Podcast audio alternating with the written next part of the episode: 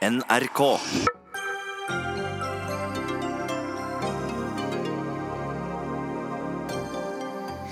En miljøvennlig og kjøttfri matrevolusjon starter i hovedstaden med offentlige kjøttfrie middager. Vennlig hilsen MDG.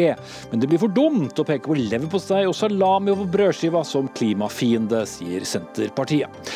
Iskalde fronter på venstresiden i Bergen etter at SV ble kastet ut av byrådet til fordel for KrF, samtidig som det samme byrådet trenger SVs støtte. Med millionhjelp fra en av Norges rikeste menn vil en ny stiftelse utfordre Darwins evolusjonslære i norske klasserom. Men skal man kunne kjøpe seg plass til alternative teorier? Og det er eh, få fattige i Norge, hevder stortingsrepresentant for Høyre.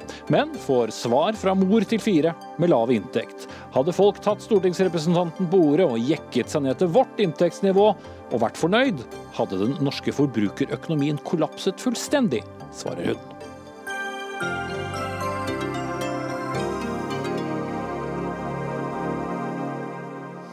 Velkommen til onsdagens Dagsnytt 18 med Espen Aas, der vi også skal snakke om situasjonen i Nord-Syria, der to supermakter involverer seg mer og mer. Skulle jeg vært morsom, kunne jeg sagt at det skal handle om uh, agurknyheter nå, men det skal ikke det. Det skal handle om uh, kosthold. For det gikk ikke mange minuttene før reaksjonene nærmest kom galopperende inn etter at det nykonstituerte byrådet i Oslo i går proklamerte at de skal redusere kjøttforbruket betydelig, bl.a. med å pålegge offentlige institusjoner å kutte kjøttforbruket med 50% og også tilby et ukentlig kjøttfritt gratis skolemåltid. Arild Hermstad, nasjonal talsperson for Miljøpartiet De Grønne. Det er da altså deres lokalparti i, i Oslo som er med på å, å sette i gang dette. Men er denne kjøttreduksjonen kjøttproduksjonen i hovedstaden eh, et mål dere har for hele landet? Vi mener jo at både Norge og for så vidt resten av verden må redusere kjøttforbruket. Og det er av hensyn til eh, både til miljøet, til klimaet og for dyrene sin del, og ikke minst for helsen til folk. Fordi eh, her i Norge så har altså kjøttforbruket eksplodert. Vi har endret vanene våre ganske kraftig de siste årene. Og spiser mye mer kjøtt enn vi gjorde for 30-40 år siden. Og det er en dårlig utvikling hvis vi ønsker å ta vare på um, både på miljøet og på kloden vår og på helsen til folk. Mm. Men skal det offentlige bestemme hva gamle unge skal spise? Altså, eh, Oslo jo, eh, har som mål å være en verdensledende miljøby, og kanskje den beste miljøbyen i hele verden. Vi har signert en avtale med en rekke storbyer i verden om å kutte i kjøttforbruket. Eh, av, hensyn, av de hensynene som en sier. og det betyr at eh, vi feier for egen dør. Altså Hvis politikere vedtar noen hårete mål, eh, så må man bruke de virkemidlene man har. Eh, og vi har ganske mange virkemidler for å påvirke kjøttspisingen i Oslo. I tillegg til at det vi har sett de siste årene, er jo at de store trendene internasjonalt peker mot at folk vil ha mindre kjøtt med vegetarprodukter. Og, det, Vi ønsker å være med på den bevegelsen. Hvis ikke du vil ha det, så skal du få det. Emilie Enger Mehl, stortingsrepresentant fra Senterpartiet. Det er ikke så ofte jeg for så vidt hører at din partileder og f.eks. Sylvi Listhaug eh, bruker de samme ordene, men begge har kalt det for fanatisme og symbolpolitikk. Er det det? Ja, jeg syns jo det er grenser for hva staten skal bestemme, og jeg syns det er eh, drøyt og veldig symbolpolitikk kommunen, når, eh, ja, eller kommunen, eh, når det er på en måte salamien og leverposteien og kjøttkakene som blir det store klimaproblemet. Han trekker fram helse som et argument her. For eldre f.eks. på sykehjem så er jo det store problemet er jo at de ikke spiser i det hele tatt, ikke at de spiser kjøtt. For barn og unge på skolen så er det viktig at de får lære seg å, å ha et variert kosthold. De som ikke har lyst til å spise salami, de kan la være med det, men for veldig mange mange så er det helt naturlig å smøre leverpostei på skiva eller ha salami på brødskiva, og det mener jeg at det må være helt innafor, uten at man skal komme en sånn moralisme, sånn som det MDG og Arbeiderpartiet gjør nå i Oslo. Men skolebarna kan jo ha leverpostei de fire andre dagene i uken, da? Ja, altså Det forslaget MDG har fremma til byrådet, det var jo, de mener jo prinsipielt at man skal ha et kjøtt, kjøttfri hverdag for alle barn. Barn skal ikke lære seg kjøtt. Akkurat hvordan det kommer til å slå ut til, slutt, det vet jeg ikke helt, men jeg syns det er helt feil at man skal gå inn på den måten. Og så lære barn til at kjøtt er en fiende. Fordi kjøtt er en del av et naturlig og variert kosthold på lik linje med fisk, grønnsaker og kornprodukter og meieriprodukter, og det må være helt greit. Hermstad. Nei, Det er litt spesielt at Senterpartiet snakker om dette som moralisering. De har i årevis støttet at vi har et statlig drevet eh, opplysningskontor som prøver å få nordmenn til å spise mer kjøtt. Eh, det er moralisering, og det er i hvert fall helt i strid med våre egne mål. Helsedirektoratet anbefaler at vi spiser mindre kjøtt. Eh, og så er det jo også sånn at For ungene sin del så er det jo viktig å lære gode vaner til å begynne med. Og jo, det er veldig enkelt å servere kjøttfrie måltider. Det betyr at, at det er ingen eh, religiøse tabuer som hindrer folk i å putte agurkskive på skiven, eller å, å spise grovbrød eller å spise havregrøt. Men hvis du introduserer kjøtt, så må du altså forholde deg til at det ikke inkluderer alle det du serverer. Og Det er jo også en ting som vi tenker på en del i Oslo. Eh, og så tror jeg at det, det er ganske merkelig å påstå at vi vil ta kjøttet fra de gamle. Det er ikke det vi har sagt. Vi ønsker altså å redusere kjøttmengden på alle institusjonene våre. Eh, og det gjør vi samtidig som vi skal gi et mer variert og sunnere kosthold til alle. Eh, og det vi må lære oss etter hvert, det er at det går an å ha et mye sunnere kosthold enn det vi har i dag. Og det inkluderer at vi spiser mindre kjøtt. Men da gir du med litt rett i at du lærer også bort barn at kjøtt ikke er bra? Det vi gjør, er at vi feier for egen dør. Vi eh, i Oslo eh, har ikke noe prinsipielt syn om at folk skal la være å spinse kjøtt, som eh, Senterpartiet her driver og snakker om. Det er jo bare tull og tøys. Men vi mener at vi kan bruke de virkemidlene vi har, for at ungene skal se sammenhengen mellom miljø, klima og sin egen helse. Mm. Og at det er en positiv sammenheng. Tar dere ikke litt fyr òg? Det er jo et grønt tilbud, det er jo ikke et kjøttforbud de innfører? Det er jo sånn at hvis man vil ha gratis skolemat, så skal det da være vegetar. Og hvis du ikke vil ha vegetar vegetarmat, så må du betale for det sjøl, for da må du ta det med sjøl. Og jeg syns jo at eh, MDG kan begynne å kalle en spade for en spade, eller i dette tilfellet en kjøttkake for en kjøttkake. fordi hvis du skal ta og kutte halvparten av kjøttforbruket på sykehjem. Da må du kutte i f.eks. fårikål, kjøttkaker eller andre typer middager de spiser. Hva skal du kutte i egentlig hvis du ikke skal ta fra dem det? Noe må det jo være hvis du skal fjerne halvparten av kjøttet de spiser. Og når folk er i sin siste fase av livet, de trenger en eh, omsorg, de trenger å få leve ut gamle minner, ha en verdig avslutning på livet, og syns det blir helt feil av kommunen å gå inn og si at nei, dere skal bli vegetarianere på deres gamle dager, fordi det har vi bestemt. Ja, det er jo ikke det vi har sagt. Igjen så lager hun en stråmannsargumentasjon. Vi har jo ikke sagt at vi skal ta vekk kjøttet. Det vi har sagt at vi skal redusere det. Og hvis man er litt fantasifull, så kan man både spare penger, man kan altså få bedre helse, og man kan bytte ut en av kjøttkakene med noe godt tilbehør som er sunnere. Ja, og Det betyr ikke at, vi, at kjøttkakene blir borte. Dette, må klare, dette mener jo Senterpartiet må begynne å forstå. Du bytter ut en av kjøttkakene, så blir jo ikke borte. Jo, men, men ser du Hermstad, at altså, det har vært ganske mange reaksjoner, og folk får jo den uh, forståelsen som, uh, som Inger Mehl også sier, at du skal ta fra de gamle kjøttkakene. Ja, og Det er altså helt feil. Vi ønsker å gi dem et, mer, et sunnere kosthold og et fullverdig kosthold som er bedre. Og Vi ønsker jo selvfølgelig å se på totalt sett i kommunen hvordan vi bruker alle virkemidler. og Kommunen har også egne kantiner som vi kommer til å se på hvordan vi kan eh, få et enda sunnere kosthold som blir servert. Og jeg, altså, Problemet er jo at vi har blitt vant til at vi skal øke kjøttkonsumet hele tiden. Så vi tror jo at det nivået vi har i dag, er det de som er gamle på gamlehjemmet har opplevd når de vokste opp. Men sannheten er at de spiste kanskje bare halvparten eller en tredjedel av det kjøttet som vi spiser i Norge i dag. Og det betyr at dette er et godt folkehelsetiltak, og det er en nødvendig korrigering av, mm. eh, at vi faktisk ikke tar miljøhensyn på alvor. Og husdyr står for en viss andel av klimagassutslippene? Ja, jeg tenker at Det viktigste vi kan gjøre i norsk matproduksjon, det er å produsere maten i Norge og ikke i utlandet, sånn at vi må importere den. Og En av konsekvensene av det MDG proklamerer her, at vi skal slutte med kjøttproduksjon nærmest og bare spise grønt, det er jo at vi ikke får brukt Produserer mye grønt i Norge òg. Ja, men, vi, men, det er mange steder hvor man ikke kan. Altså Vi må produsere kjøtt i Norge også hvis vi skal få utnytta de ressursene vi har. Vi må produsere kjøtt, vi må produsere fisk, korn og grønnsaker. Og det må MDG begynne å ta inn over seg. Jeg vil ta inn en uh, tredjemann, for det er, uh, det er, mange som er misfornøyde med dette forslaget. Og Geir Ove Ysmark, du er administrerende direktør i Sjømat Norge.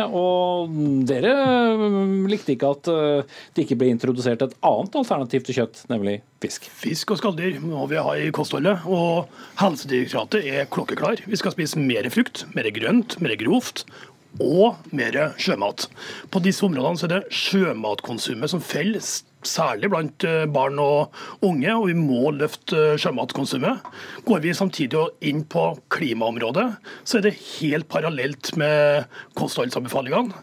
Et sunt kosthold med sjømat, med fisk og skalldyr, er noe av det mest klimavennlige vi kan eh, spise. Så jeg oppfordrer Miljøpartiet De Grønne til tydeligere å si at sjømat skal være en del av disse alternativene. Følg kostholdene og bidra til at klimaet blir bedre. Er det mot sjømat også, Hermstad? Nei, jeg har en god nyhet til Sjømat Norge. fordi at uh, i, Det vi skal gjøre i Oslo, er at vi skal lage en katalog over hvilke ting som man kan servere. og I hovedsak så vil det da være f.eks. frukt og grønt og grov, eh, grove brødskiver med pålegg. Eh, og Der har vi også sagt at man åpner for makrellfilet på skiven eller den type ting.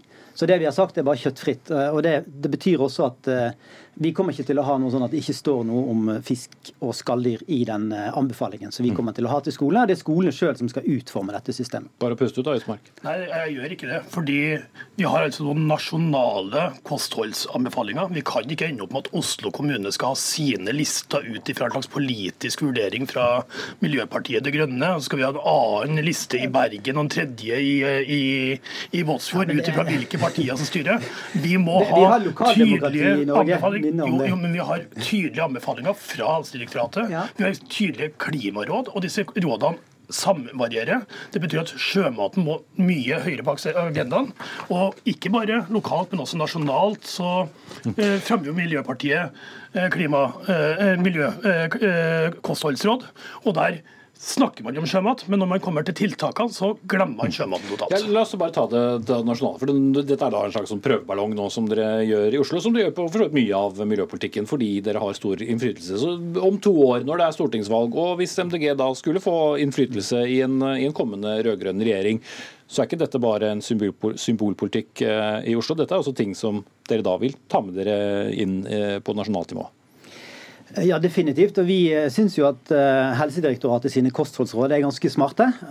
Og den gode nyheten som Ystmark kan få med seg, er at det er første gang at en kommune da gjør et, et, tiltak for å følge opp kostholdsrådene, nemlig å få ned kjøttforbruket og få opp konsumet av grønnsaker. Og så er det sant som du sier at ja, vi har ikke skrevet noe om fisk og skalldyr. og Det kunne vi gjort. Og jeg tenker at vi nasjonalt eh, er jo også bekymret for kostholdet til nordmenn. Og vi mener at det finnes masse bærekraftig sjømat som vi kan erstatte en del av kjøttet med. Og det kan være bra for, eh, det er bra for eh, både folkehelse og for miljøet og for dyrene. Mm. Emilie Engemehl, Senterpartiet og MDG har vi for forstått fast noen ganger før. Ikke alltid passer helt sammen, men kunne dere gått på en regjeringsplattform med det de gjør i, i Oslo? Altså jeg mener jo at MDG opererer med en veldig virkelighetsfjern tilnærming til ting. Ja, Norge er et land som er tufta på jordbruk, på fiskeri, på et sunt og godt og variert kosthold. Og jeg håper jo ikke at eh, Arbeiderpartiet og MDG følger opp dette her i resten av norske kommuner og begynner å dirigere hva skolebarn og eldre skal spise der også. Eh, I hvert fall i mitt liv så har jeg lært at eh, man kan ha et moderat kjøttinntak. Man kan spise mye fisk, for det er bra for deg. Spise grønnsaker, helst en del grønnsaker hver dag, og korn. Og det vil jeg se på som sunn fornuft. Og hvis vi kommer dit dit at det ikke er bra nok lenger, da mener jeg at vi har et stort problem. Så istedenfor å lære barn i Oslo og resten av landet at eh, kjøtt er feil og kjøtt er en fiende, så syns jeg heller man skal bruke tid på å lære dem hvordan de skal spise sunt, få i seg nok næring med alle de tinga som den norske bonden og den norske fiskerinæringa leverer, for det trenger vi. Vel, vi får se hvordan det går. Dere må i hvert fall bruke fisk og gulrot. Takk skal dere ha. Arild eh, Hermstad fra MDG. Emil Engemel fra Senterpartiet. Jeg er glad for den eh, latteren. Og Geir Ovismark, administrerende direktør i Sjømat Norge. Dagsnytt 18 alle hverdager kl 18.00 på NRK P2 og NRK2.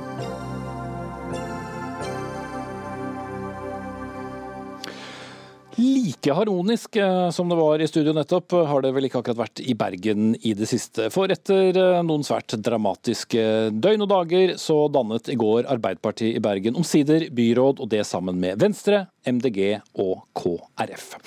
KrF forlot, eh, som mange fikk med seg, forhandlingene på lørdag og gikk inn i samtaler med høyrepartiene i stedet, men snudde da de fikk gjennom kravet om at SV skulle kastes ut av det kommende byrådet. Og Det ble også fasiten. Akkurat nå sitter alle partiene i Bergen i bystyremøte og kan ikke være med her i Dagsnytt 18, men politisk redaktør i Bergens Tidende, Frøy Gudbrandsen, dere har fulgt denne prosessen tett. Og hvor stabilt byråd er det Norges nest største by har fått akkurat nå? Vel, Vi har i det minste fått et byråd. Jeg tenker at uh, Vi kan begynne med å glede oss med at uh, vi har det. Men særlig stabilt tror jeg ikke det er, nei. Uh, for det er jo et mindretallsbyråd, og det består av fire partier. Um, de trenger ni mandater til for å få flertall i bystyret. og etter at SV da ble skjøvet ut fra forhandlingene, så er ikke SV spesielt samarbeidsvillige, kan man vel si. SV ble altså kastet ut. Partiet fikk 8,6 oppslutning i Bergen i valget, mens KrF, som da går inn i stedet, fikk godt under halvparten med 3,1% Hva vil velgere som håpet på et eh, byråd mot eh, venstre si til å få et mer sentrumbyråd? Eller man kan jo på en måte si at Det byrådet som vi har fått nå, det ligger jo nærmere tyngdepunktet i velgermassen fordi det er nærmere sentrum. Eh, men det er klart det er ganske mange skuffa eh, velgere på venstresiden. Og særlig fordi dette er andre gang eh, Arbeiderpartiet foretrekker sentrum fremfor SV. Så dette blir nok ikke tatt så veldig godt imot der. Og jeg tipper at SV, og Rødt for den saks skyld, kommer til å bli pressa ganske hardt for å eh, altså fra sine medlemmer og støttespillere til å, til å presse byrådet igjen, da. For å få for for SV blir jo da sittende i opposisjon sammen med bompengepartiet, pensjonistpartiet, Høyre og, og, Frp. Så det blir jo ikke bare lett å navigere der heller, hvis de både skal være opposisjon til høyre side og et byråd de ikke fikk være med? Nei. Eh, men du kan si det som er kanskje Arbeiderpartiets fordel her, er jo at eh, Altså, de har jo nå sittet i ukevis og forhandlet, og de har eh, blitt enige med SV sånn sett i eh, en plattform. Eh, og hvis de da eh, egentlig mer eller mindre vedtar den plattformen som SV har vært med på, så skal det jo være kanskje litt vanskelig for SV å si nei til den politikken som de har blitt enige om. Da. Eh, men eh, det kan fort tenkes at rett og slett eh, dette byrådet ryker, og at man må prøve å danne et byråd på den andre siden. For det er ikke så lenge til man skal vedta budsjettet for Bergen. Eh, og da har vi jo problemet at på høyresiden så er det heller ikke så veldig stabilt. Så dette er ikke en veldig ideell situasjon. så og bakom, ja. som i nesten alle politiske saker, spøker den evinnelige Bybanen. Ja, eh, det gjør den. Og den nok, eh, har nok spilt en rolle her i eh, at KrF gikk tilbake igjen til venstresiden. da. Men uh, de partiene som nå er i byråd, de har jo og, da og Bare for å forklare denne vanskelige grunnen med denne bybanen, for det handler om hvor den skal gå, og hva de ja. forskjellige partiene uh, synes om det. Og dermed havnet altså KrF tilbake hos uh, Arbeiderpartiet. Ja, og de fire partiene som nå er i byråd, de er uh, antageligvis mer eller mindre enige om at den skal gå langs Bryggen. Men de har jo ikke flertall for det. Og med Rødt som er ganske uh, irriterte på Arbeiderpartiet nå, uh, så det, er det ikke helt sikkert at de vil gå med på å uh, stemme for det. Så da er vi kanskje tilbake igjen på et tunnelalternativ. Så det er egentlig bare utrolig kaotisk hele situasjonen. Um, ja. Du blir neppe arbeidsledig når det gjelder å dekke bergenspolitikken fremover. Takk skal du ha, Frøy Gudbrandsen, politisk redaktør i Bergenstidene.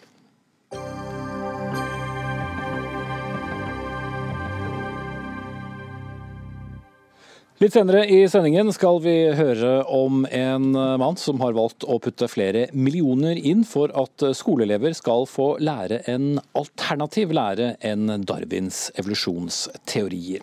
Men nå skal vi snakke om eh, internasjonal storpolitikk, nemlig den tyrkiske invasjonen i Nord-Syria, eller militæraksjonen som har ført Tyrkia og Russland langt nærmere hverandre og gjort eh, president eh, Trump ikke fullt så blid. I dag eh, startet tyrkiske og russiske styrker samarbeidet med å fjerne kurdiske militsgrupper fra grensen mot tyrkiske, altså denne mye omtalte sonen. Og det koordinerte angrepet skal ha begynt klokken ti norsk tid, ifølge avtalen Operation Peace Spring. Og USA-korrespondent Anders Magnus, nå har det akkurat kommet meldinger om at Donald Trump opphever sine sanksjoner mot Tyrkia. Minn oss på hva de var, og hvorfor han nå gjør dette. Trump har nettopp holdt en eh, lengre tale fra Det hvite hus, hvor han eh, sier at det nå blir varig våpenhvile langs eh, Syrias nordgrense. Og han regner dette som en seier for seg selv og for USA. Og han sier også at det er av den grunn vi kan nå heve alle sanksjonene mot Tyrkia. Det har ikke vært så veldig strenge sanksjoner, men eh, eh, USA truet jo med flere hvis ikke det ble fred i dette området. Kritikerne sier at denne våpenhvilen er det egentlig Russland og Tyrkia som ble enige om for en stund siden, og påpeker at nå patruljerer russiske styrker langs eh, Natos sørgrense her mellom Tyrkia og Syria og at dette altså ikke er noen seier for Trump, snarere tvert imot. Men Trump sier at han har snakket med kurdernes general Maslum, som og han, Trump sier i vanlig stil at Maslum har takket Trump veldig inderlig og var svært takknemlig for USAs bidrag. Og at Maslum kommer med en egen erklæring senere. Så vi får se hva den innebærer. Og Opphevelse av USAs sanksjoner det er gode nyheter for Tyrkia og president Erdogan. Det er korrespondent Sissel Wold. Ja, de er sikkert eh, glad for det her, men disse sanksjonene som Trump innførte for litt siden, de var jo ikke så veldig merkbare. De var mer kosmetiske. Eh, og dessuten så var det relativt, iallfall på overflaten, stor oppslutning om denne krigen. Sånn at uh, disse sanksjonene gjorde ikke så sterkt inntrykk. Man har ventet at det skulle komme strengere sanksjoner mot de russiske rakettene som Tyrkia kjøpte for en stund siden. Men hva er det Tyrkia nå håper å oppnå med å, å klistre seg uh, opp til Russland? Ja, president Erdogan er jo den store vinneren i dette spillet, sammen med Putin og Assad og kanskje IS. Um, uh, Erdogan vil tre ting. Han vil uh, fjerne YPG-militsen fra grensene på et område inntil 33-32 km inn i Syria. Og så vil han Eh, flytte i første omgang én million syriske flyktninger fra Tyrkia til Nord-Syria. Og eh, når det er gjort, så vil han flytte én million til. Eh, det siste er at han vil styrke seg blant nasjonalistene her i Tyrkia, fordi at Erdogan har slitt litt på meningsmålingene det siste året. Og Hvorfor velger Russland å være med på det hele, vår Moskva-korrespondent Jan Espen Kruse? Jo, Dette viser jo at Russland nå, med, med, president Putin i spissen, eh, er de viktigste spillerne. Eh, president Putin har jo vist at han eh, er den verdenslederen, lederen av en stormakt, som alle må ta hensyn til i denne konflikten nå. Russland har jo de siste årene etablert militærbaser i Syria. De har reddet regimet til Bashar al-Assad. Og de viser igjen altså I går så kom jo den tyrkiske presidenten Erdogan til Putin i Sotsji for å forhandle og inngå denne avtalen. Så Russland har her, og spesielt president Putin, framstått som eh, helt sentrale og den spilleren som alle eh, må ta hensyn til her. Og interessant nok altså inngå eh, dette samarbeidet med et Nato-land. Ja, eh, altså det er jo et eh, samarbeid som eh, mange lurer på.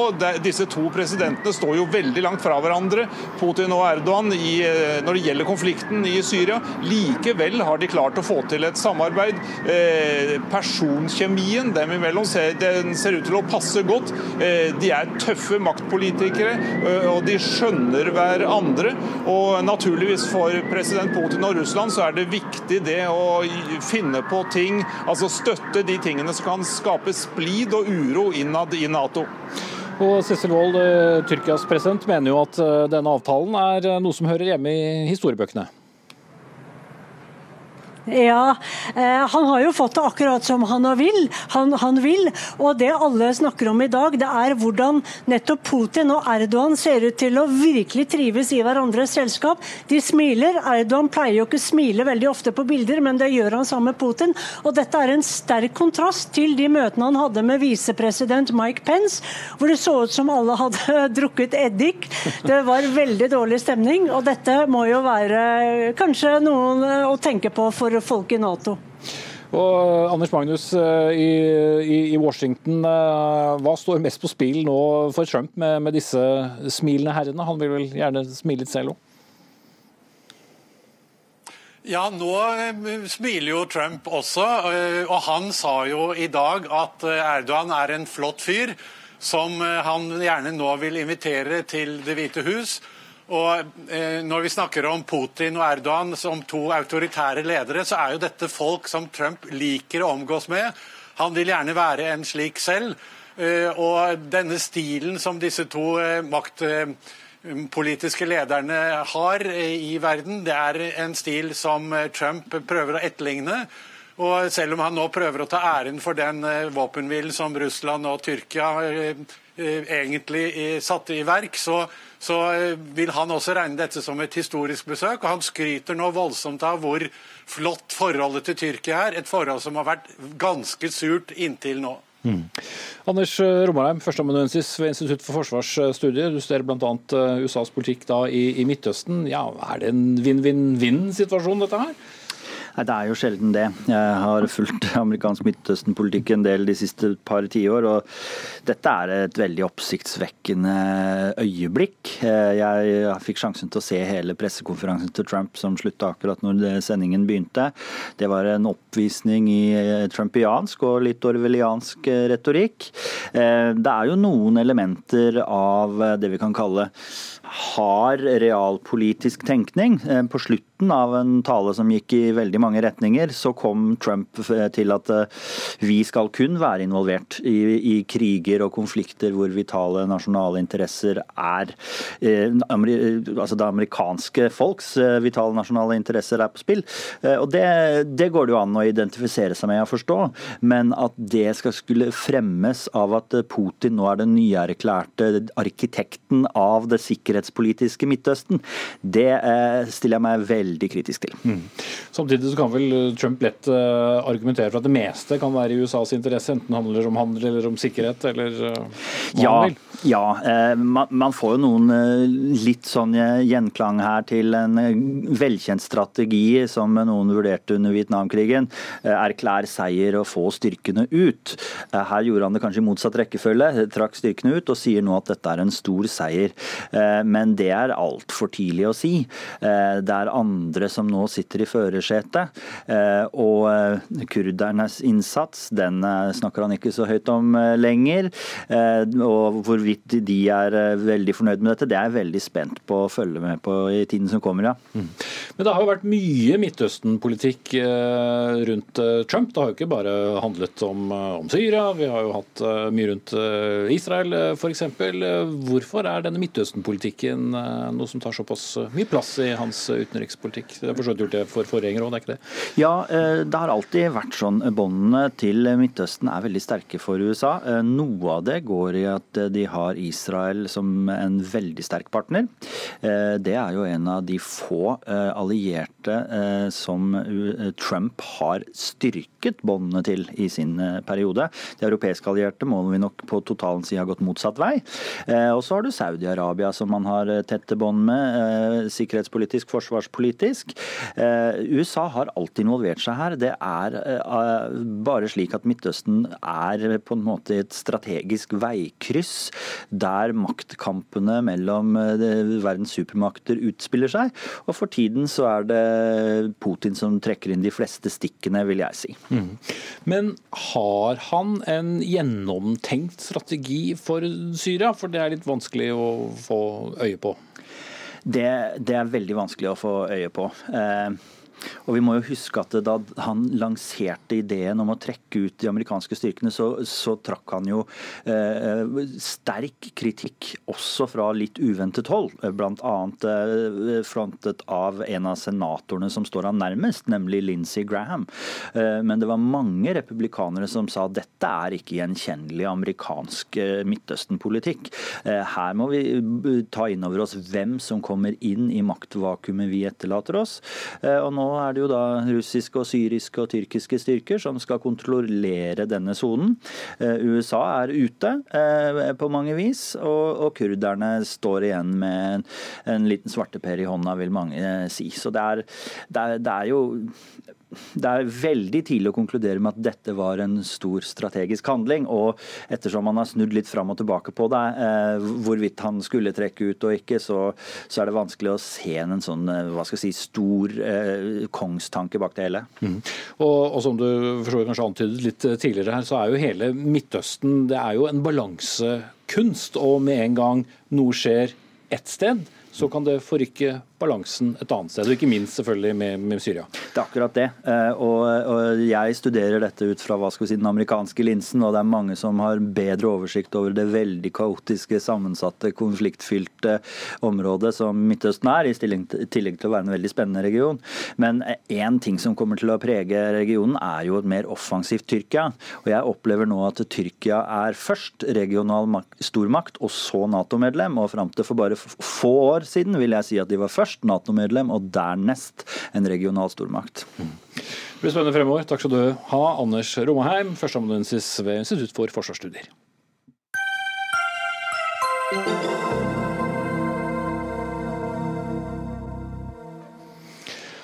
En eh, ny stiftelse vil eh, utfordre evolusjonsteorien til Charles Darwin i norske klasserom, og i stedet tilby det som kalles eh, intelligent design. Pengene til hele kommer fra en av Norges rikeste menn, den personlige kristne rederen Einar Rasmussen fra Sørlandet. Det hele kunne vi lese i Vårt Land. Målet med det hele er å henvende seg til norske ungdommer mellom 15 og 25 år, og at dette skal bli et tema i skolen. Dag eh, Erlandsen, du er nå daglig leder i denne stiftelsen som heter Biokosmos. Eh, ja, for de som ikke er så inne i det, hva, hva ligger i begrepet intelligent design? Intelligent design er eh, noe, altså vi hevder at eh, den naturlige verden nå, Unnskyld, nå må jeg lese opp. For jeg, nå gikk det langt. nei da. Naturlig verden viser tydelige tegn på å være satt sammen på en så intelligent måte at når forskere og folk ser på dette, her, så bare gisper de, for det er så fantastisk komplisert. Og vi mener at den den darwinske eh, forklaringen holder ikke. Det er for komplisert. Mm. Det er survival of the fittest, eller uh, ja? Ja, altså Det er jo en, en, en, funksjon i naturen som ikke vi fornekter, med naturlig utvalgelse. Men det, det, alene kan ikke forklare den kompleksiteten vi finner i naturen. Mm. Ja, men Er det da en større beveger? Ja, det er jo det, det, det, må folk sjøl vurdere, men eh, vi mener at bare ved hjelp av å, å se på naturen, så, så, holder ikke den forklaringa. Og så må man sjøl filosofere. Er det en gud? Er det en beveger? Er det en, er det en buddhistisk gud? Altså Dette har jo ikke med kristendom å gjøre, dette har med at man erkjenner at skaperverket er noe mer enn en, en, en darwinismen. Ja. Eh, hva kan du vise til av eksempler for å forklare dette enda litt nærmere for eh, publikum? Ta en flagell. Eh, flagellen er eh, en, en, hale på en, en bakterie, sædcellen f.eks. Den går rundt og rundt. Og den er som en propell som eh, får sædcellen til å spinne av gårde og finne egget. Den eh, motoren er så komplisert, og, så du, du, kan ikke liksom ta vekk Altså som en, en, en eh, poengsmotor med kjempestor virkningsgrad. Mye mye bedre enn de motorene vi har laget. En poengsmotor vet vi, den må ha en motor, den må ha aksling, den må ha propell. Hvis propellen mangler, så er den helt eh, virkningsløs. Og eh, det går ikke an å tro at dette må bli til litt og litt og litt og litt til. Alt må være på plass før den begynner å virke. Mm. Et eksempel. Hvor utbredt er denne vitenskapen? Den er nok mer utbredt enn det vi i Norge vet. Eh, jeg har nettopp vært i Discovery Institute i USA. Det sies at 1000 eh, forskere ta nå dette for det der, eh, har underskrevet et, et, opprop hvor de sier at de er skeptiske til darwinismen. Mm. Glenn Petter Sætre, professor i evolusjonsbiologi ved Universitetet i Oslo, skrevet en lærebok om evolusjonsbiologi. Er dette vitenskap? Eh, nei, det er ikke det. Altså, eh, Intelligent design det startet som en bevegelse fra konservative kristenfundamentalister i USA. Eh, de kalte det kreasjonisme i sin tid, men de tapte en del eh, eh, debatter og osv. der borte, og rettssaker. Så de har forsøkt en ny strategi hvor de toner ned den kristne gud og snakker mye mer vagt om en intelligent design. Altså, de, har, de, bruker, de tar i bruk noen begreper som er vage, og som ikke er eh, definert. Da. Uh, og det de stort sett gjør, det, det er ikke å, å, si, fremsette testbare hypoteser som de kan falsifisere. De angriper små ting i evolusjonsteorien, og så sier de at sånn som denne flagellen, at det, den er så fantastisk, så ergo må det være en intelligent designer, underforstått eh, den kristne gud eh, egentlig, når du ser på hvor bevegelsen kom fra. Mm. Men har vi ferdig forstått eh, artenes opprinnelse? Selvfølgelig ikke. Altså, all vitenskap er, er i en prosess, og det er mange uløste oppgaver. Heldigvis for fremtidige forskere at det er masse spennende å, å, finne ut av. Og også innenfor revolusjonsbiologi er det mye vi ennå ikke forstår. Mm. Erlandsen? Eh, det er jo ikke riktig å si at dette er kreasjonisme eller et, dette er kristne. Ta eh, eh, Michael Denton. En av de som, Han som startet hele bevegelsen ved å skrive en bok som heter eh, Evolution, Darwinism a Theory in Crisis i 1985. Han er agnostiker. Eh, David Berlinske, nylig ute med en bok, er også agnostiker. Eh, Fred Hoyle, som gikk bort i 2001 sa det at mine oppdagelser ryster ateismen i meg. Så dette er ikke oppdatert, det du sier nå. Jeg anbefaler deg å sette deg godt inn i hva som skjer ute i verden. for at det... Mm. Ok, men La oss ja. gå litt til utgangspunktet til at vi diskuterer. Dere har altså fått 15 millioner. Eh, hva skal dere bruke det til, og hva, hva, hva er på en måte din stiftelses, eller den stiftelsen du tilhører, hva, hva, hva er målet deres? Målet er å få direkte kontakt med ungdommer. Vi har eh, stått på i et år nå. og en ting er å få stiftelsen opp og gå med økonomi og alt mulig sånn, og styre og sitter en professor i styret for, øvrig i Tromsø. Eh, og så lager vi bl.a. filmer som skal kommunisere direkte med, med, ungdom. Og som du kan se Du skal sitte igjen med en undring. Du verden, er det så flott det er? For vi mener at, det er, at ja, biologibøkene forteller egentlig ikke at det er grunn til å kanskje lurer på om det, vi har fått hele sannheten. Men det er flott at uh, Sætre sier at det, uh, vi har ikke fått alle, fått alle spørsmål ennå. Mm. Men det er kanskje ikke de svarene du ville uh, Nei, at ungdom skulle få? Det er litt uh, påfallende at det er skoleungdom som er målgruppen. At det ikke er, dette er jo ikke skal si, vitenskapelige debatter på, på det nivået hvor jeg typisk debatterer og i tidsskrifter jeg skriver i, og altså i, i biologi da, som, som, vitenskap, så finner du ikke disse ideene i den faktiske faglitteraturen. Dette her er eh, en bevegelse helt på siden av, eh, av hva som er, eh, er vitenskap. Einar Rasmussen, du er ta på dere hodetelefonene, dere som er i studio. Du er forretningsmann og tidligere skipsreder, og er altså den som har valgt å, å, gi disse pengene til eh, denne stiftelsen. Eh, hvorfor valgte du det? Eh, det er fordi at stiftelsen står for et verdensbilde som jeg tror på, og jeg mener det er viktig og riktig å formidle det. Eh, du er da personlig kristen. I hvor stor betydning eh, har det for deg eh, på denne teorien om et intelligent design, og at det er noe mer da enn den tradisjonelle evolusjonsteorien? Ja, altså Det at jeg er en kristen, det gjør jo bare at jeg blir mer motivert. Men når det gjelder å vurdere teorier og sånn, så er det jo selvfølgelig det faglige som kommer inn. og om å avgjøre tingene. Jeg kan nevne da at i eh, styret for Biokosmos så har vi fire med forskerkompetanse. Slik at uh, vi får se det helt, helt, helt, vesentlig at dette skal bygge på forskning. Og har ikke noe med religion å gjøre? Nei, ikke sånn sett. Nei. Mm, ikke sånn sett, hva betyr det? Jo, jo, men du kan jo si at hvis, hvis resultatene sammenfaller med ting som står i Bibelen, så er, så er jo det hyggelig. ikke sant? Men altså, det er jo ikke den veien man går for å få resultater. Mm. Og så til de som nå sitter og mener du bruker da dine økonomiske muskler til å kjøpe deg en slags innflytelse i, i norske klasserom. Hva sier du til dem? Eh, ja, altså, Det er jo et tilbud, dette. Så det er jo helt opp til den enkelte skoleledelse eller uh, til uh, skolemyndighetene om de ønsker å, å, å forholde seg og akseptere tilbudet. Mm. Takk skal du ha, Einar Rasmussen. Torstein Tvedt Solberg, utdanningspolitisk talsperson i Arbeiderpartiet og nestleder i utdanningskomiteen på Stortinget. Du er kritisk til um, at stiftelsen får disse pengene. Hvorfor det? Jeg mener jo at det blir helt feil at eh, rike folk sånn skal bruke pengene sine på å kjøpe seg tilgang til norske klasserom mm. for å rett og slett eh, forfekte alternative teorier og ting som egentlig ikke har noen ting med vitenskapen å gjøre, og ikke minst ting som er helt på tvers av det som står i læreplanene og fagplanene, og det vi vil at skolen skal, skal handle om. Så dette syns jeg blir eh, helt feil. Og jeg mener at det blir viktig at vi trekker opp noen eh, grenser og sier at eh, ja, egentlig her går grensa, og dette vil vi ikke ha inn i norske klasser. Men det er vel opp til skolene selv å bestemme om de vil takke ja eller ikke? Ja, først og fremst er det jeg helt enig i. Først og fremst skal det være opp til skolene og rektorene å gjøre, eh, gjøre disse eh, vurderingene.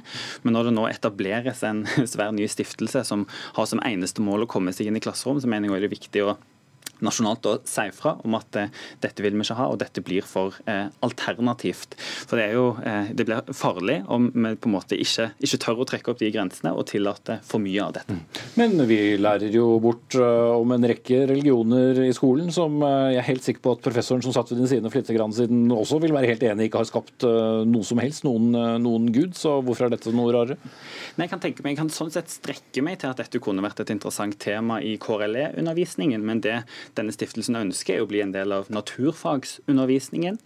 Og sånn så forfekte et et helt annet syn på evolusjonsteorien. Og Det mener jeg blir, altså det blir jo spesielt feil nå med, disse, med klimaendringene. Og det blir enda viktigere at skolen er et liksom, et godt fundament for å forstå hvordan jorda har blitt skapt, de endringene som skjer på jorda, for å kunne takle klimaendringene. Så Det er derfor kanskje jeg mener det er spesielt viktig at en sier nei til denne type ting. For det er jo ikke vitenskap. Det er jo som det blir sagt her i denne diskusjonen, dette er jo egentlig ganske nært tøv tøv? Erlandsen? Nei, det er ikke tøv.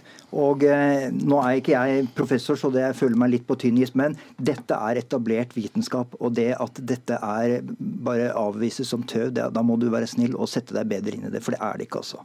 Jeg har lyst til å si det at eh, man, nå driver man med en ny fagplan, ikke sant? Og Hvis det er så enkelt å tilbakevise dette som tøv, ja, så la, så la nå folk tilbakevise det som tøv, og ikke fortelle, ikke angrip livssynet til de som sier det. da. Heller gå på sak. Det, jeg syns det er litt usaklig. Ikke... Men ok. Den nye fagplanen sier opplæringen skal gi elevene en forståelse av kritisk og vitenskapelig tenking. Kritisk og vitenskapelig tenkende innebærer å bruke fornuften på en undersøkende og systematisk måte i møte med konkrete praktiske utfordringer, fenomener, ytringer og kunstform. Dette er jo rett inn, det er akkurat det vi tilbyr. Det er bare fantastisk flott. Og La oss nå få en åpen debatt om det. La oss gå ut på den arenaen som vi snakker om. Er det tøv, så selvfølgelig så detter det jo ned som ingenting. Men det må prøves. Og eh, det er jo ytringsfritt i, i, dette landet, og det er alle muligheter for oss å ha en åpen debatt om det. Men ikke, ikke liksom si at det er tøv før man har satt seg inn i det.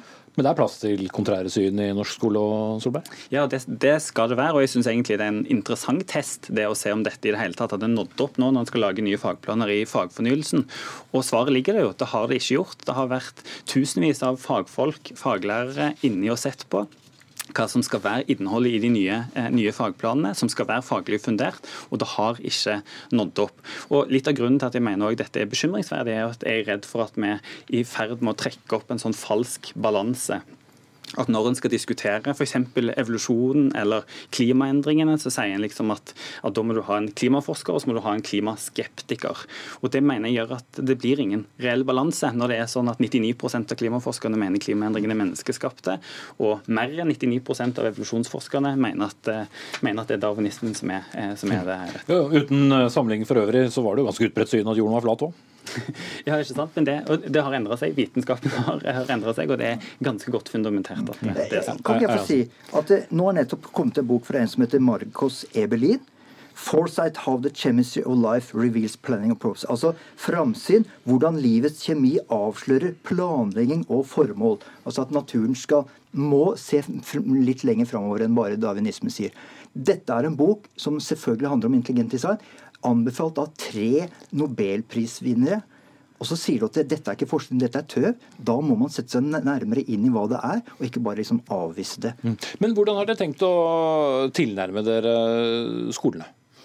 Ja, eh, vi i, Nå i første omgang så skal vi lage videoer og har laget videoer og lage nettavis hvor vi problematiserer ting. Vi kan f.eks. ta opp ting som står i, i lærebøkene som opplagt er feil i en kronikk i Aftenposten i dag med han Bjørn Are Davidsen forteller feilene som, som, opplagt er, basert på en bok han har skrevet, opplagt feil i undervisningen. Så du vil gå til skolen og si det dere lærer bort er feil, her har vi for eksempel, Ikke gå til skolene, men vi lager en nettavis hvor vi setter kritisk søkelys på at det, darwinistiske såkalte beviser, som er tilbakevist på 70-, 80-, 90-tallet, gjentas i lærebøkene i 2014. Nå snakker vi om eh, ordentlig eh, altså ordentlig forskning som har tilbakevist det. Så av en eller annen grunn så, så korrigerer man ikke lærebøkene, og da syns vi at vi, det kan være på sin plass å gjøre det. Og da gjør vi det. Mm. Solberg? Nei, eh, altså, jeg, jeg synes jo at dette, det, det sier seg selv at dette eh, blir, eh, blir, feil. Spesielt når en har som hovedformål med denne stiftelsen å ja. rette seg mot, mot, mot, barn og ungdom. Altså Målgruppa er 15 til 25 år. og en, en, går mot disse faggruppene mest først og fremst for å overbevise de om deres syn, ikke for å sånn sett spre, spre kunnskap. Det hadde jo kanskje vært bedre bruk av disse 15 millionene at en hadde eh, brukt de på det faglige, hvis en mener så sterkt at dette er teorier som bør utvikles mer faglig, framfor å da drive på en måte propaganda. Men burde du gjort, Ville du gjort noe mer aktivt for å sette en, eh, en stopper for at man sånn sett som du mener da, kan kjøpe seg plass i, i skolen? Selv om det er opp til skolen å ta det imot? Ikke sant? Altså, jeg tenker Det er riktig at det skal være opp til, til skolene, men jeg tror også det er viktig at vi nasjonalt liksom trekker opp disse grensene i de pågående diskusjonene som er. For dette er en diskusjon som vi nok kjenner igjen med vaksinemotstand, eh, klima, klimaskepsis. Så det blir også viktig at en, en sier tydelig ifra, sånn at rektorer og lærere der ute òg har backing for oss som er nasjonale politikere, når de da eh, sier eh, nei til denne type ting. Men hvor mange millioner bruker vi på å oversette og tilbe, legge til rette darwinistisk forskning for de samme ungdommene? Er det også feil?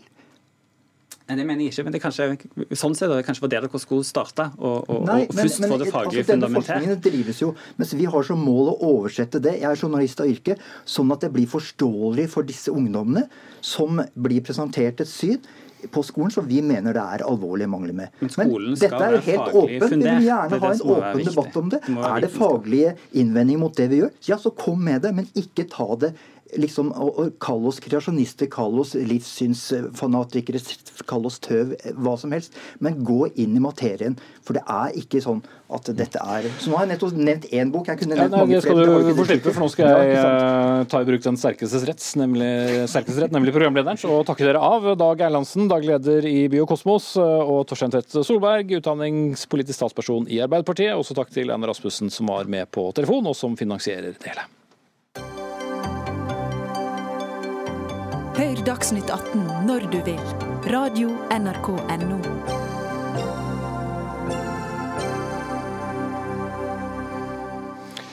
Vi må akseptere at ikke alle kan ta med barna på sydentur. Det skriver Høyre stortingsrepresentant Margret Hagerup i et innlegg i Vårt Land, og sier at eh, det er heller ikke det samme som fattigdom. Og øh, legger til at øh, ulikhet i samfunnet er akseptabelt, og at vi også må fortelle barna våre at vi ikke er fattige nettopp pga.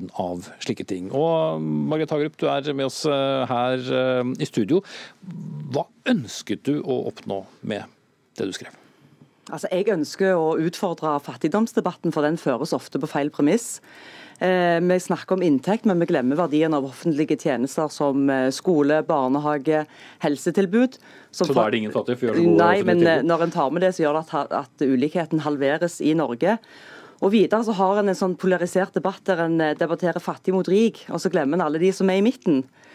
Og Jeg må jo da som firebarnsmor gjøre prioriteringer i hverdagen og mange har vel på meg kjent på januar som kommer, der en eh, må leve litt på sparebluss. Det er ikke alltid en kan reise på den ferien en vil. selv med en OK gasje ja, fra Stortinget? Ja, selv med en OK. Altså Fire unger eh, koster en del, eh, tro det eller ei. Og det gjør jo at, Men jeg er jo ikke fattig av den grunn.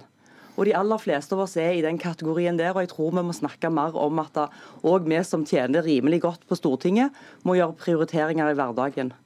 Ungerne, Men du med en stortingslønn på nærmere en million kjenner på hvordan det er å være fattig? Jeg sier ikke at jeg kjenner på hva det er å være fattig, jeg sier på ingen måte at jeg er fattig.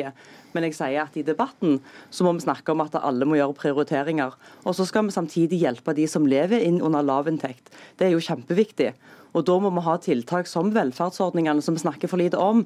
For Hvis en skulle ha løst dette, så kan en jo tenke seg at en dropper gratis kjernetid i barnehagen, en dropper SFO, og så gir en dette som kontantytelser. I fattigdomsstatistikken så kunne det ha gitt gode utslag, men vi i Høyre tror jo ikke nødvendigvis at ungene får det bedre av den grunn. For vi må satse på at de får like muligheter gjennom skole, og vi må satse for at de kommer seg inn i arbeidslivet. For til syvende og sist er det jo sånn at de største forskjellene i dag er mellom de som er i eller utenfor jobb. Ellen eh, Hagemann, du er med oss på linje, og du har også oppdratt eh, fire barn eh, under fattigdomsgrensen, og du har også skrevet et motinnlegg til Hagerup. Hvilke tanker gjorde deg første lesning, og så fikk deg da til å skrive et motinnlegg? Ja, altså Det Hagerup gjør, det er jo at hun setter dagens fattigdomsproblematikk opp mot tidligere generasjoners nøysomhet. Eh, hun eh, skriver om sin egen foreldregenerasjon, som var nøysomme. De reparerte klær, de arva camping. Det var den store, fantastiske ferien. Og den nøysomheten som hun beskriver der, den eh, har jeg stor sans for. Vi står foran en klimakrise, eller vi er vel på vei inn i den. Og det forbruket i Norge det må ned hvis vi skal klare å snu dette her. Men det som avslører at Hagerup er eh, stortingsrepresentant for de rikeste velgerne, for de rikeste de i Norge de stemmer faktisk Høyre, det er jo at hun mener at nøysomhet det er for de som har lite. Hun kommer ikke med noen eksempler på at folk med mye penger skal nøye seg med mindre. Og derimot så forsvarer hun ulikhet. Og hun er som Høyre-politiker, ja, kanskje ikke så veldig overraskende, da, hun er blind for at eh, det I velferdsstaten Norge så lønner det seg å fødes rik, smart og frisk. Ja. Og så har jeg veldig lyst til å stille henne et spørsmål. Det hadde jeg tenkt å gjøre Fordi... siden jeg var programleder. Eh, jeg tenkte rett og slett at du skulle få Ja, du kan få spare på det, så vil jeg at Hagerup svarer på akkurat det du sa. Er det litt forskjell på liv og lære? Nei, det er ikke forskjell på liv og lære, men det, det som jeg sier er at en må sørge for at folk kommer seg inn i arbeidslivet. For de største forskjellene er mellom de som er i og utenfor arbeid. Og den velferdsstaten som vi finansierer i dag, finansierer jo i stor grad av de som jobber, altså skatteinntekter. og Høyre er et parti som har ganske mange velgere, selv om det går litt opp og ned. Men et flertall av de er ikke blant de rikeste i Norge. Det er lærere, det er jordmødre, det er bedriftseiere og det er stortingsrepresentanter sånn som meg. Mm. Men du erkjenner at det er en viss forskjell på 350 000 inntekt eller 200 000 og, og derfor, eller 1 million? Og Derfor mener jeg at uh, verdien av det offentlige og velferdstjenestene er så viktige. Og de er ikke med i statistikken som vi diskuterer når vi diskuterer ulikhet. Mm. Da Ellen Hagman, skal du få lov å stille spørsmålet ditt. Ja, for det jeg lurer på da, Hagerup, det er at hvis du mener at vi i vår familie har nok, og at den nøysomheten som vi praktiserer er positiv, så lurer jeg på Mener du da at det er folk i Norge som har for mye? Om jeg mener at det er folk i Norge som har for mye? Det som, det som, er mitt poeng, er at da, vi er nødt til å hjelpe de som av en eller annen grunn ikke kan være i arbeidslivet og ikke klarer seg selv. Da trenger vi en sterk velferdsstat. Mm. Men det var jo ja-nei-spørsmål. Om noen har for mye? Ja. Nei, det mener jeg ikke. Ingen har for mye. Jeg, altså, de rikeste i Norge bidrar med 40, 10 rikeste i Norge bidrar med 40% av personskatten. Jeg vil jo ikke lage dette her til en debatt mellom fattig og rik. For som jeg sa innledningsvis, de største, den største parten av delen av oss er i midten av dette her. Mm. Og det, det vi må bekjempe er ulikhet i samfunnet, og det gjør vi best mellom å snakke mer om arbeid og mindre om forskjeller i inntekt. For en vil ikke øke få, få, bedre forhold mellom de hvis en ikke får flere inn i arbeidslivet. Og En stor andel av de som eh, står utenfor arbeid og lever i lavinntektsfamilier, er jo òg innvandrere. Og Det er viktig å få de inkludert i samfunnet, for å unngå at det går i arv i generasjoner. Hva er din eh, løsning, Ellen Hagman? Ja, Det var et stort spørsmål, det. Men, uh... Men altså, ut fra din egen erfaring, uh, som har levd da under uh, fattigdomsgrensen, er veien til lykke først og fremst det å komme inn i arbeidslivet, som er Høyre og Hagerups løsning eller oppskrift? Jeg tror det er veldig skummelt hvis vi tenker at uh, suksessfaktoren for ethvert menneske i dette landet er å komme seg i lønna arbeid. Og det er veldig farlig. Dette her gjelder faktisk ikke bare høyresida, men det gjelder på en måte hele den tanken om arbeidslinja. At uh, det vil alltid være noen som faller utafor. Det vil alltid være noen som ikke kan komme i vanlig lønna arbeid. Og Hvis man hele tiden tenker at det, altså hvis man til hver tid sier at det skal lønne seg å jobbe, så vil det jo ikke, altså da vil det gå utover da, de som ikke er født eh, friske, smarte og rike. Men så er det jo også det at fattige, altså, eller folk med lite penger, de er jo, altså Politikere har jo et problem, at dere snakker om denne gruppa, men dere snakker jo ikke med dem. Og det er et demokratisk problem, mener jeg. Mm. Det er, for det er faktisk sånn at De som har minst mulighet til å påvirke politiske beslutninger, de er de som hardest rammes av dem. ikke sant? Og en ting er jo at penger er faktisk makt. Men god helse det gir deg også muligheten til å påvirke på en annen måte om du, enn om du bruker tida di og kreftene dine på å være sjuk. Og Det er jo opplagt at det lønner seg Ja, bare bryte deg, bryte deg av der, der hvis vi skal eh, rekke resten. Du skal få svare kort på det, Hagerup. Snakke med og Ja, jeg må bare si at Den velferdsstaten vi er så avhengig av, er jo avhengig av skatteinntektene, avhengig av de som kan og kan jobbe, jobber. Det er et viktig poeng, og det tror jeg vi glemmer. Og så må vi huske at vi skal, velferdsstaten skal gjøre det en kan for å utjevne forskjeller, og sørge for at folk kommer seg inn i arbeidslivet, for der er de største forskjellene. Mm. Ok, Da har vi tatt det poenget. Det er flere som har eh, lest eh, kronikken din, og en av dem er eh, Sigrun Gjerløv Aasland, fagsjef i Tankesmien Agenda. Og La meg lese litt opp fra den.